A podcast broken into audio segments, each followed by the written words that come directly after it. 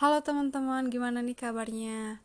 Um, semoga baik-baik saja ya. Kembali lagi bersama saya Evita.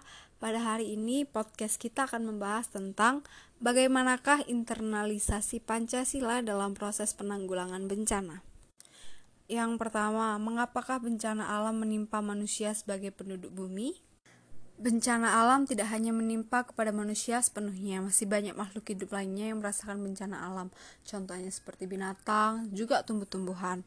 Sebagai penduduk bumi, tidak semua manusia mematuhi aturan-aturan yang berlaku. Padahal aturan tersebut tentu menguntungkan untuk diri sendiri maupun bagi sesama kita manusia. Contohnya nih, aturan membuang sampah pada tempatnya. Itu adalah aturan yang sangat sederhana tetapi masih banyak sekali manusia yang melanggar. Karena perlakuan manusia yang melanggar itu, muncullah bencana alam seperti banjir, tanah longsor, dan lain sebagainya. Dan juga masih banyak lagi faktor lainnya yang dilakukan manusia tanpa memikirkan dampak ke depannya bagi kehidupan selanjutnya. Lanjut ke pertanyaan kedua, apakah manusia bisa menolak bencana? Jawabannya menurut saya adalah tidak. Sebenarnya manusia itu tidak bisa, tidak akan mungkin bisa menolak bencana.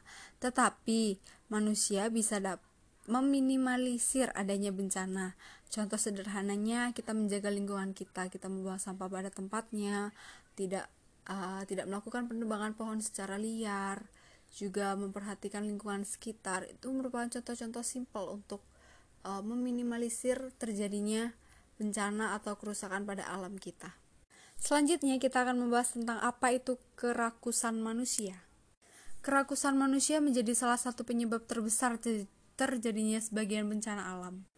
Jika sifat rakus ini tetap dibiarkan tumbuh di dalam diri seseorang, maka sampai kapan pun tidak pernah ada rasa puas atau rasa syukur pada di dalam diri seseorang tersebut. Semua dilakukan hanya sebatas untuk kemauan diri sendiri tanpa menghiraukan dampak apa saja yang dapat muncul dari tindakan yang dilakukannya selama ini. Ini nih contoh kerakusan manusia, contohnya menebang pohon secara liar atau tidak terprogram masih sering dilakukan oleh masyarakat luas, atau bahkan kayu-kayu tersebut diperjualbelikan hanya demi sebatas keuntungan yang besar bagi perusahaan beserta pemiliknya.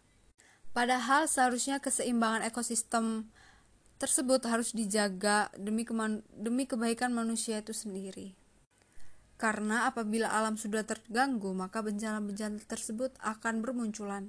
Misalnya nih, tanah longsor akibat tidak adanya lagi akar-akar yang mampu menahan tanah karena penebangan yang dilakukan secara membagi buta. Pada akhirnya manusia sendiri yang akan merugi, baik secara materi bahkan hingga nyawa seseorang. Yang keempat, kita akan membahas tentang alam dan kekuasaan manusia. Alam dan kekuasaan manusia artinya manusia diberi mandat oleh Tuhan untuk menguasai bumi serta isinya, baik yang ada di darat maupun di udara serta di air untuk dikelola dengan baik dan bertanggung jawab atas kelestarian alam itu sendiri. Karena itu manusia diberi akal untuk berbudi pekerti yang baik terhadap alam, sebab dengan alam manusia bisa hidup. Nah, kita poin yang terakhir, hubungan Pancasila dan amalan syukur nikmat. Seperti yang dapat kita ketahui dari sila pertama yaitu ketuhanan yang Maha Esa, dapat dimengerti bahwa kita sebagai makhluk sosial dan sebagai manusia harus taat terhadap perintah Tuhan yang Maha Esa dan juga harus bisa bersyukur atas kebaikan yang telah Tuhan berikan kepada kita. Sekian pembahasan podcast bersama saya. Mohon maaf apabila ada salah-salah kata. Terima kasih, sampai jumpa. Salam sehat.